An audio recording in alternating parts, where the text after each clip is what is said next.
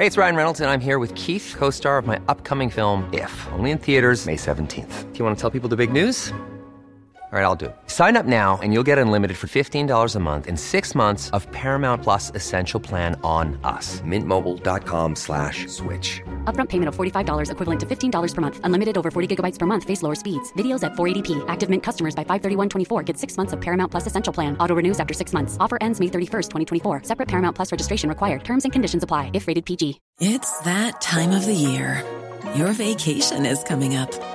You can already hear the beach waves, feel the warm breeze, relax, and think about work. You really, really want it all to work out while you're away. Monday.com gives you and the team that peace of mind. When all work is on one platform and everyone's in sync, things just flow wherever you are. Tap the banner to go to Monday.com.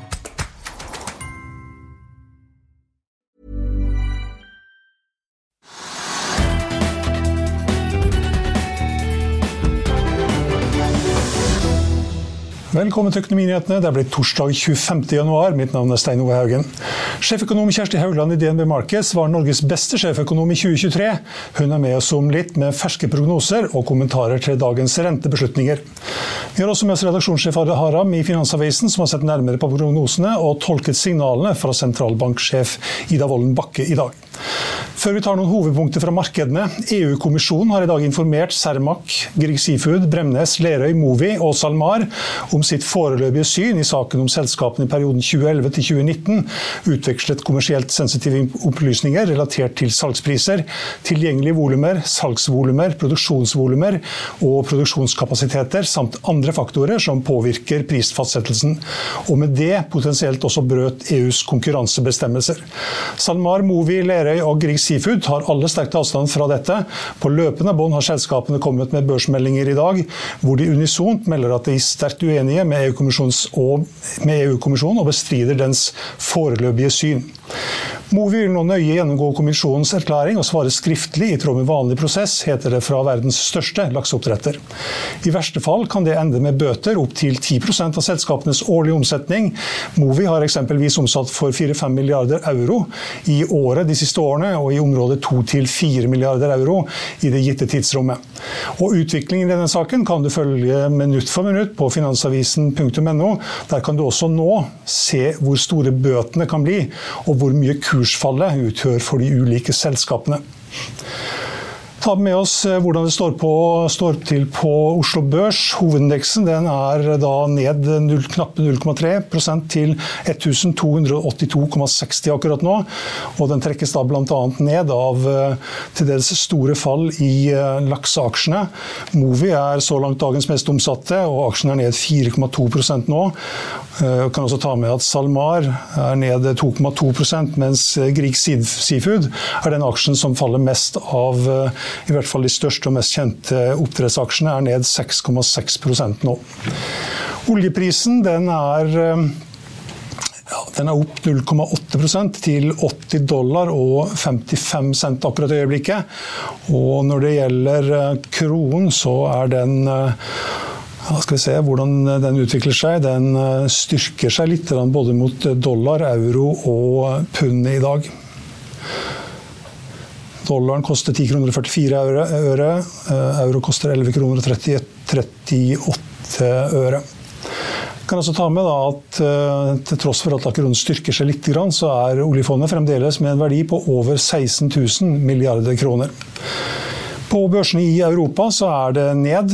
Eh, I London er det ned 0,2% i Frankfurt ned 0,5 Samme ned i Paris. I Milano er det ned 0,9% I Madrid er det ned 1% og Stox 600 er ned 0, knappe 0,4 Futures på børsene i eh, USA her ligger an til en relativt flat åpning. Dow Jones indikeres å åpne ned 0,06% mens SMP 500 og Nasdaq eh, ligger an til å åpne litt opp, henholdsvis 0,1 og 0,2% Tiårsrenten, kan vi ta med den hvis vi eh, får den opp litt kjapt her. Den ligger på 4,155, kan si 4,16 eh, akkurat eh, nå.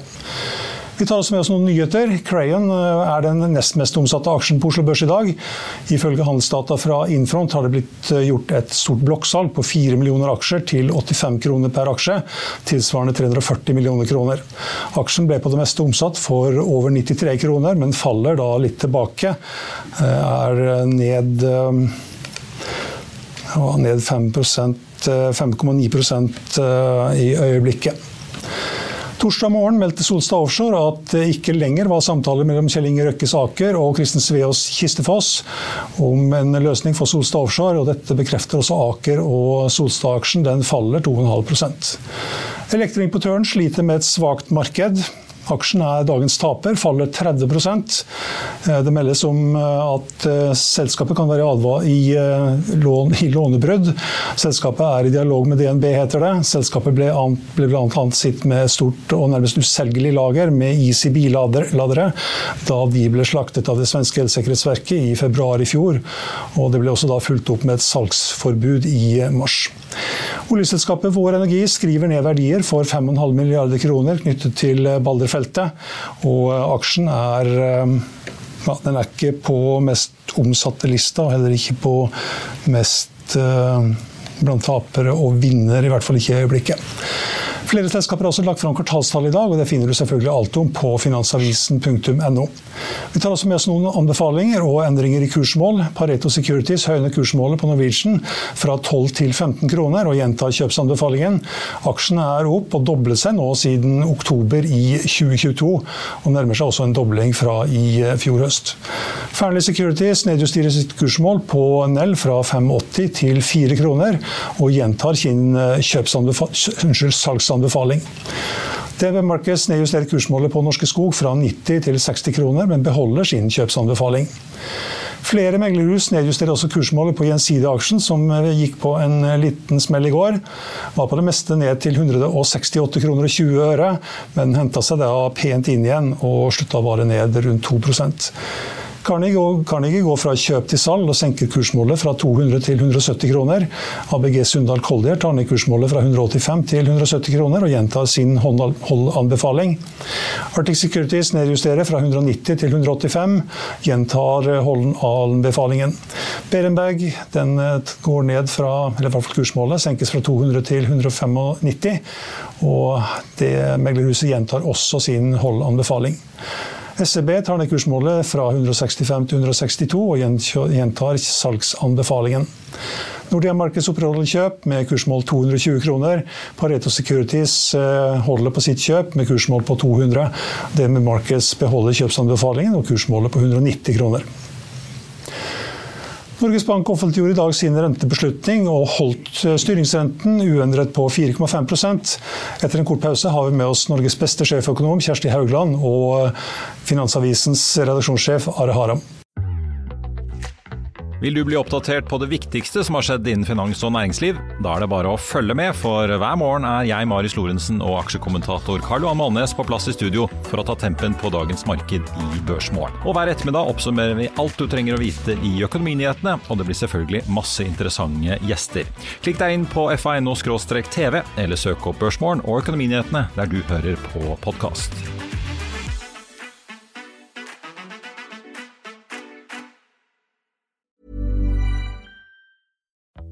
Life is full of what ifs. Some awesome, like what if AI could fold your laundry? And some, well, less awesome, like what if you have unexpected medical costs?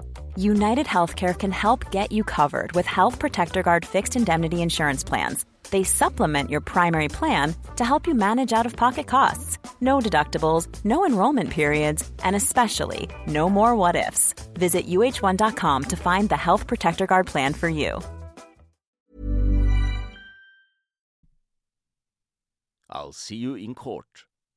Vi sier det ofte litt på spøk, men for deg som driver business, er det aldri moro å innse at du ikke har laget en 100% gyldig kontrakt. Du bør ikke risikere hele firmaet ditt fordi du synes dette med kontrakter er litt stress. En avtale er ikke en avtale. Du kan miste kunder, miste venner, ja, til og med miste inntekter om du ikke lager en skikkelig kontrakt, på alt mulig, egentlig. Men vi vet det er et styr kopimaskiner, tregprinter og haugevis av papir. Dessuten stoler vi jo på folk her i landet. Det er ofte litt kleint å skulle be om en signatur for alt mulig, ja, for mye av styret handler også om jakten på underskriften. Det finnes en enkel måte å løse dette på, Dukkobit, en trygg, effektiv og get this, gratis måte å sikre seg en god natts søvn pluss en juridisk bindende avtale. Dukkobit-appen har de strengeste sikkerhetskrav i bunn, samt en EU-godkjent og sertifisert teknologi. Framover vil det bli behagelig å spørre du, skal vi skrive under på det, eller? Kom i gang på dukkobit.no. Ja, da har vi med oss Norges beste sjeføkonom Kjersti Haugland i DNB Markets. Velkommen. Tusen takk for det. Vi må begynne med Norges Banks rentebeslutning. De besluttet å holde den uendra på 4,5% men kom det noe nytt eh, fra sentralbanksjefen? Nei, det vil jeg ikke si at det gjorde. Det var akkurat som forventa. De holder helt fast på det budskapet som de hadde i desember, da de overraskende satte opp renta og ga beskjed om at renta ville bli holdt høy i en god stund framover. Det gjentar de i dag. Så det er en liten sånn tvik i pressemeldingen. De, ved forrige korsvei så sa de at eh, renta nå var nær det nivået som var tilstrekkelig restriktivt eh, for økonomien økonomien, mens de nå sier at eh, rentenivået er på et tilstrekkelig restriktivt nivå. Så Det blir jo oppfattet av markedene eh, til en viss grad da, til at en da bekrefter at de ikke har planer om å heve renta ytterligere. Hvor trygg er du på at rentetoppen er nådd? Jeg, eh, er, jeg, føler det ganske stor sannsynlighet for at det er tilfellet. Uh, og så er det sånn at det er én faktor særlig som uh, kan bidra til at den teorien sprekker. Nemlig hvis da kronekursen skulle igjen da fære på en galopp nordover. Altså i den forstand at han svekker seg en god del, sånn som vi har jo opplevd ved tidligere anledninger. Ingenting som tyder på det i øyeblikket, men det er en risikofaktor som kunne fått Norges Bank til å komme med et ekstra knepp. Og også et ekstremt sterkt lønnsoppgjør i vår eh, kunne òg trukket i den retningen. Men jeg tror absolutt at det er mest sannsynlig at rentetoppen er nådd. Hva tenker du, Are? Kjersti er inne på den faktoren som er innenlandsk også, nemlig lønnsoppgjøret. Eh, nå har jo en av Norges fremste lønnseksperter blitt rentesetter, professor Steinar Holden. Eh, bak her ligger veldig sterk lønnsomhet i industrien, og det skal danne malen for hele lønnsoppgjøret. Så hvis man er veldig brutal mekanisk, så snakker vi om en veldig, veldig høy lønnsvekst i år. Eh, og da vil så klart inflasjonen snu og stige. Og Da vil så klart Norges Bank svare med rentehevinger. Men de er veldig forsiktige med å uttale seg slik at de blir oppfattet som en part, at de blander seg i oppgjøret. De bare sier at dette er konsekvensene. Blir lønnsveksten høy, så blir inflasjonen høyere. Og da må vi svare. Når kommer den første rentesenkningen, eh, Kjersti? Jeg tror den første rentekuttet kommer i september, eh, og etterfulgt av en, et kutt til i desember. Jeg tror generelt det er sånn at sentralbankene eh, i inn- og utland vil eh, begynne i år. og så begynner Fed, ECB, Riksbanken, Bank of England de begynner allerede i sommer. Og så må Norges Bank sørge for at de i alle fall ikke er de første til å kutte. Så det er veldig avhengig av hva omverdenen velger å gjøre framover. Kan Norges Bank, når de kan begynne å tillate seg seg å begynne å kutte. Men for alle sentralbankene, inkludert Norges Bank, så tror jeg en da, når kuttene kommer, kommer til å ta en sånn rolig, gradvis tilnærming med kutt på annethvert møte. Og jeg tror at når rentenedgangen stopper opp da, i slutten av 2025, så tror jeg at nivået på styringsrenta i Norge vil være på 3,25% Og det er jo bare 1 og 1 eh, kvart prosentpoeng lavere enn i dag. Men Du var inne på det med kronekursen. Hvor svak må krona bli mot f.eks. euro for at uh, du skal gjøre noen endringer i dine prognoser? Det viktige eh, her er for det første at eh, det vil avhenge av Det vil avhenge av veldig mange faktorer. Hvorfor svekker krona seg brutalt, er jo et, i et sånt scenario. Det vil jo være en del av Det vil jo danne en del av bakteppet for hva Norges Bank velger å gjøre med det. Men vi har faktisk lagt fram et sånn risikoscenario, og der ser vi for oss at euro I et sånt scenario så beskriver vi en situasjon der krono, altså euro norske, eh, den eh, går helt opp til 12,50. Og da tenker vi at i en sånn situasjon så vil Norges Bank antageligvis reagere med å sette opp styringsrenta til 5 altså en halv prosent høyere enn i dag. Og Årsaken til at vi valgte akkurat 5% er at det ville da gjenopprette det, eh, den rentedifferansen mot ECB som vi hadde før pandemien. Så det, det er én mulig respons, men selvfølgelig alt avhenger av eh, hvordan andre variabler i økonomien utvikler seg. Hvis vi f.eks. skulle hatt, på likt med en kraftig kronesvekkelse, hatt en skikkelig nedtur i økonomien, så vil antageligvis ikke responsen til Norges Bank være like tøff på en sånn kronesvekkelse. For da ville det vært mindre muligheter for at da eh, prisveksten forblei høy lenge. Av da ville jo arbeidsledigheten gått kraftig opp, og temperaturen i økonomien kjøla seg veldig ned. Du har i dine prognoser for i år en eurokurs på 12 blank ved nyttår. Og da, på veien dit så har vi to rentekutt. Så hvis kronen svekker seg med 60 øre, så får vi to rentekutt. Hvis den eh, svekker seg med 110 øre, så får vi to rentehevinger. Det er noe asymmetri her.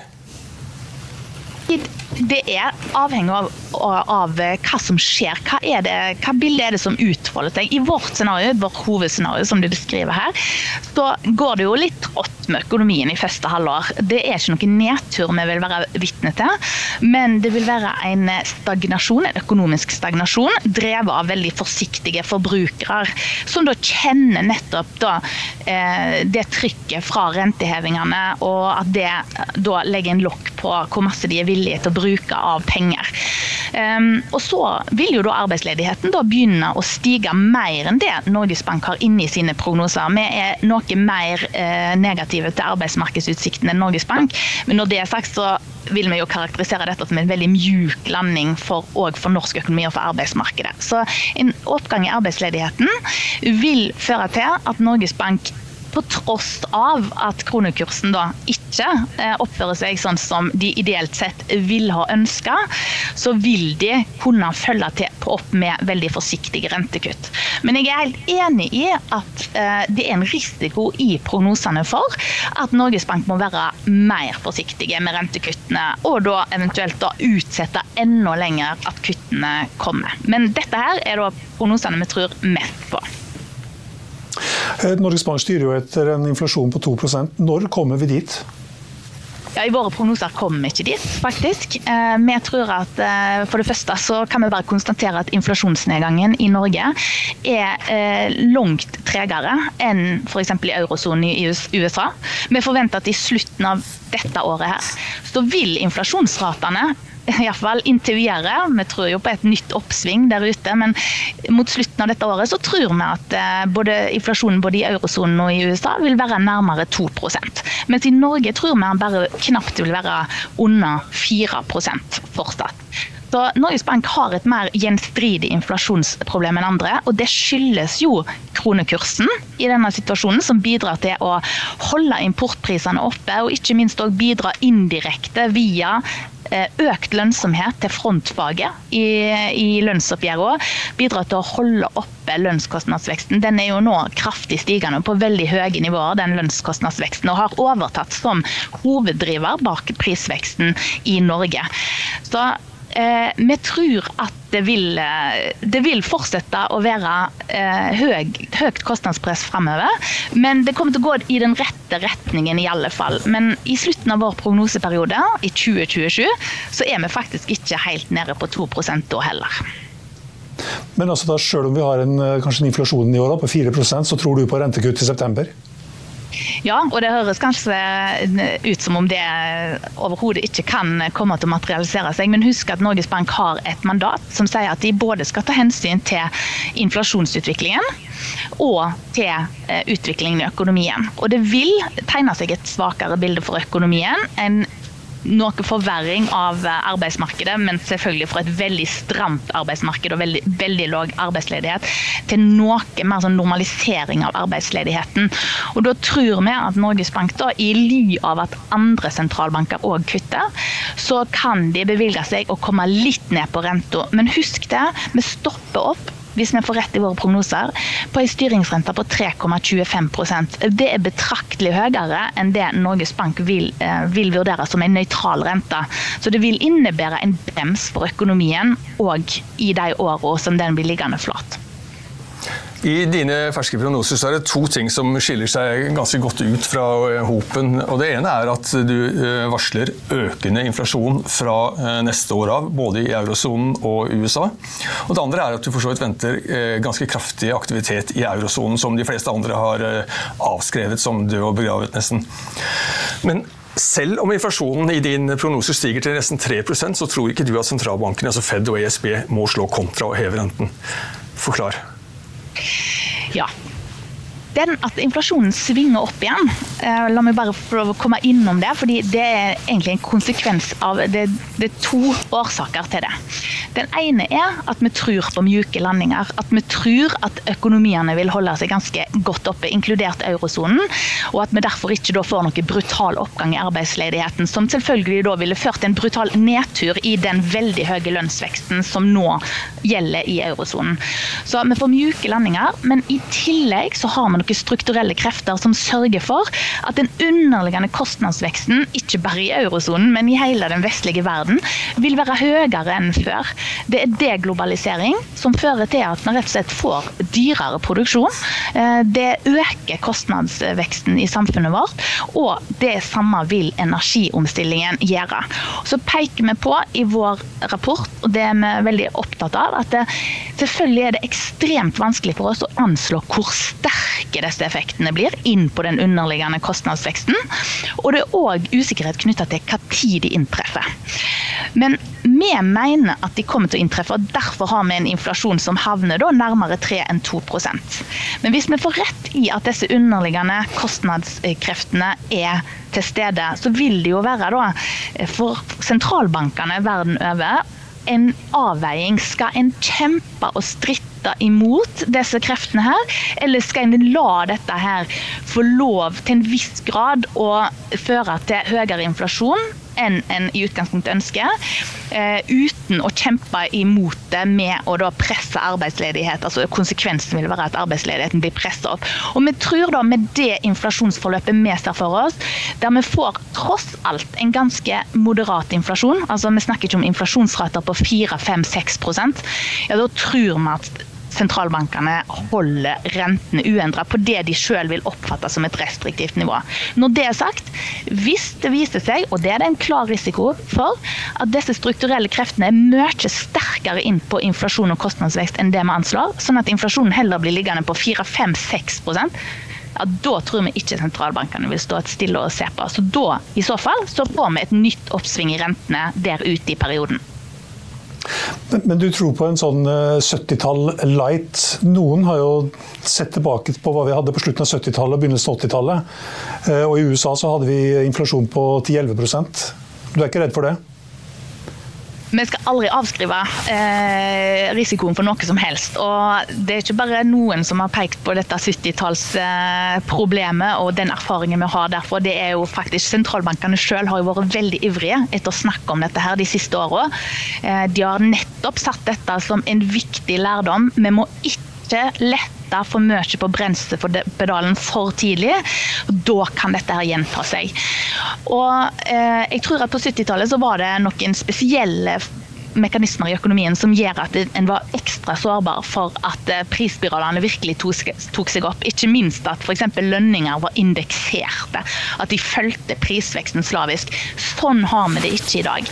Men vi kan ikke lukke øynene for at eh, vi likevel har potensial til å oppleve sånne nye bølger. Og det tror vi, som du her påpeker, at vi får en light, kanskje vi kan si til og med en ekstra light versjon av nettopp det som skjedde på 70-tallet. Nemlig at ja, inflasjonen kommer ned, men så bikker den opp igjen. Fordi jeg tror ikke at denne rentenedgangen som vi ser for oss at sentralbankene kommer til å ende opp med, den er mindre enn det markedet tror på nå. Men vi tror ikke han vil være til, altså, vi tror at det vil være en for tidlig eh, stimulans, eller tilbaketrekning av eh, innstramming da, eh, til at eh, inflasjonen lander og blir på 2% Da måtte det vært en lengre periode med høye renter. Og vi ser jo nå i dag, nettopp nå så tikker det inn eh, informasjon om at BNP i USA f.eks., verdens største økonomi, som jo er bjellesauen her på sentralbankkartet ja, altså, økonomien vokste med tre, nesten 3,5% i fjerde kvartal kvartal. Så det er fortsatt veldig sterke vekstrater vi er vitne til. Eh, så det er egentlig ikke så mye som tyder på at eh, Fed bør kutte i det hele tatt akkurat nå, men vi tror likevel de vil gjøre det, fordi sentralbankene sjøl ymter frampå at tida nå begynner å nærme seg. Og da må vi ta dem på ordet. Tilbake til eh, lønnsoppgjøret i Norge, hvis du tillater det. Eh, du sier at vi ikke lenger har indekserte lønninger, men det kommer jo et inflasjonsanslag i februar eh, fra Teknisk beregningsutvalg, og det danner ofte gulvet for lønnsoppgjøret. Det er jo ikke langt unna indeks. og Nå bommer jo TBU-anslagene selvsagt fra tid til annen. Men hvis TBU da havner på et anslag på 4% i år, da er det utenkelig at lønnsveksten skal bli lavere. Dette er jeg helt enig i. Eh, og så vil da LO hevde særlig at eh, nei, nei, inflasjonsanslag har ingenting med lønnsveksten å gjøre. Det er kun lønnsomheten i industrien som sier noe om hvor masse lønnsveksten blir eh, i frontfaget. Jeg tror at sannheten ligger altså Begge deler er rett. Vi hører jo at partene i lønnsoppgjøret trekker fram at vi skal ha minst Vi skal ha sikra oppgang i kjøpekraften. Det gjorde de i fjor, det gjorde de i forfjor. De ville ha høy nok lønnsvekst til at, skulle, at en skulle sikre seg det. Og så viste det seg det var jo ingen sin skyld, dette her. Inflasjonen ble mye høyere enn det alle anslo. Eh, og det ble nedgang i reallønningene i to år på rad nå. Ehm, og det er klart at medlemmene nå er klare rusta for kamp. Og de har en høy lønnsomhet med seg i industrien å slå i bordet med. Arbeidsledigheten er veldig lav. Ja, det er veldig masse som tyder på at dette kommer til å bli et sterkt lønnsoppgjør. Eh, den europeiske sentralbanken også holdt renten uendret i dag på 4,5% Kom det noe nytt derfra? Are? Ja, selve pressemeldingen er jo veldig kort derfra. Eh, det er akkurat nå as we speak, så står Lagarde på pressekonferansen og kommer med, med utfyllende kommentarer og svarer til slutt på spørsmålene hun ble stilt. Og Det ligger vel i kortene at hun vil si at rent, markedets renteforventninger er spinnville. Det kommer ikke kutt i mars, men uh, hun har latt seg presse til å si at det kan komme i sommer. Tidligere har hun sagt at de måtte i hvert fall vite utfallet av lønnsoppgjøret, uh, se konturene av utfallet av lønnsoppgjøret før, før, det kunne være snakk om rentekutt. Så jeg tror at det blir en sånn uh, skyve forventningene lenger unna manøver igjen. Og så får man lete virkelig med gullvekt for å se hva som reelt er nytt. Hva tror du, Kjersti?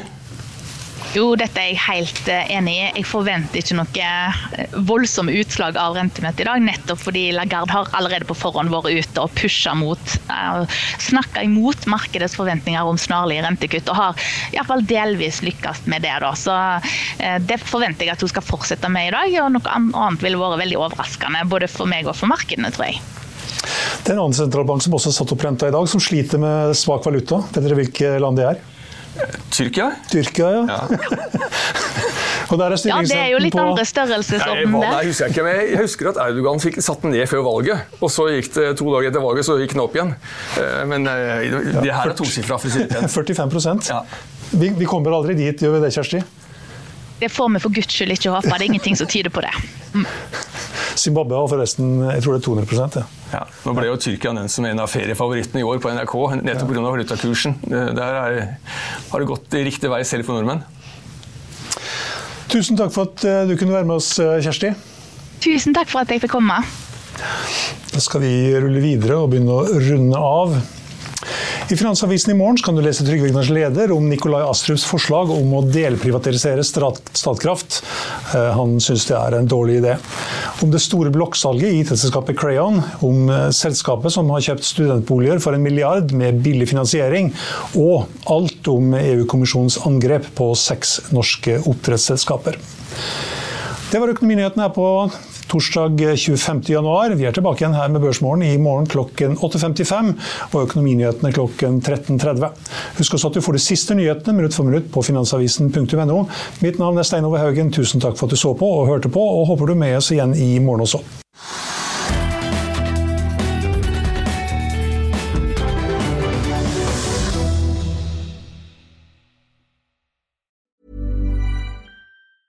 Hey, it's Danny Pellegrino from Everything Iconic.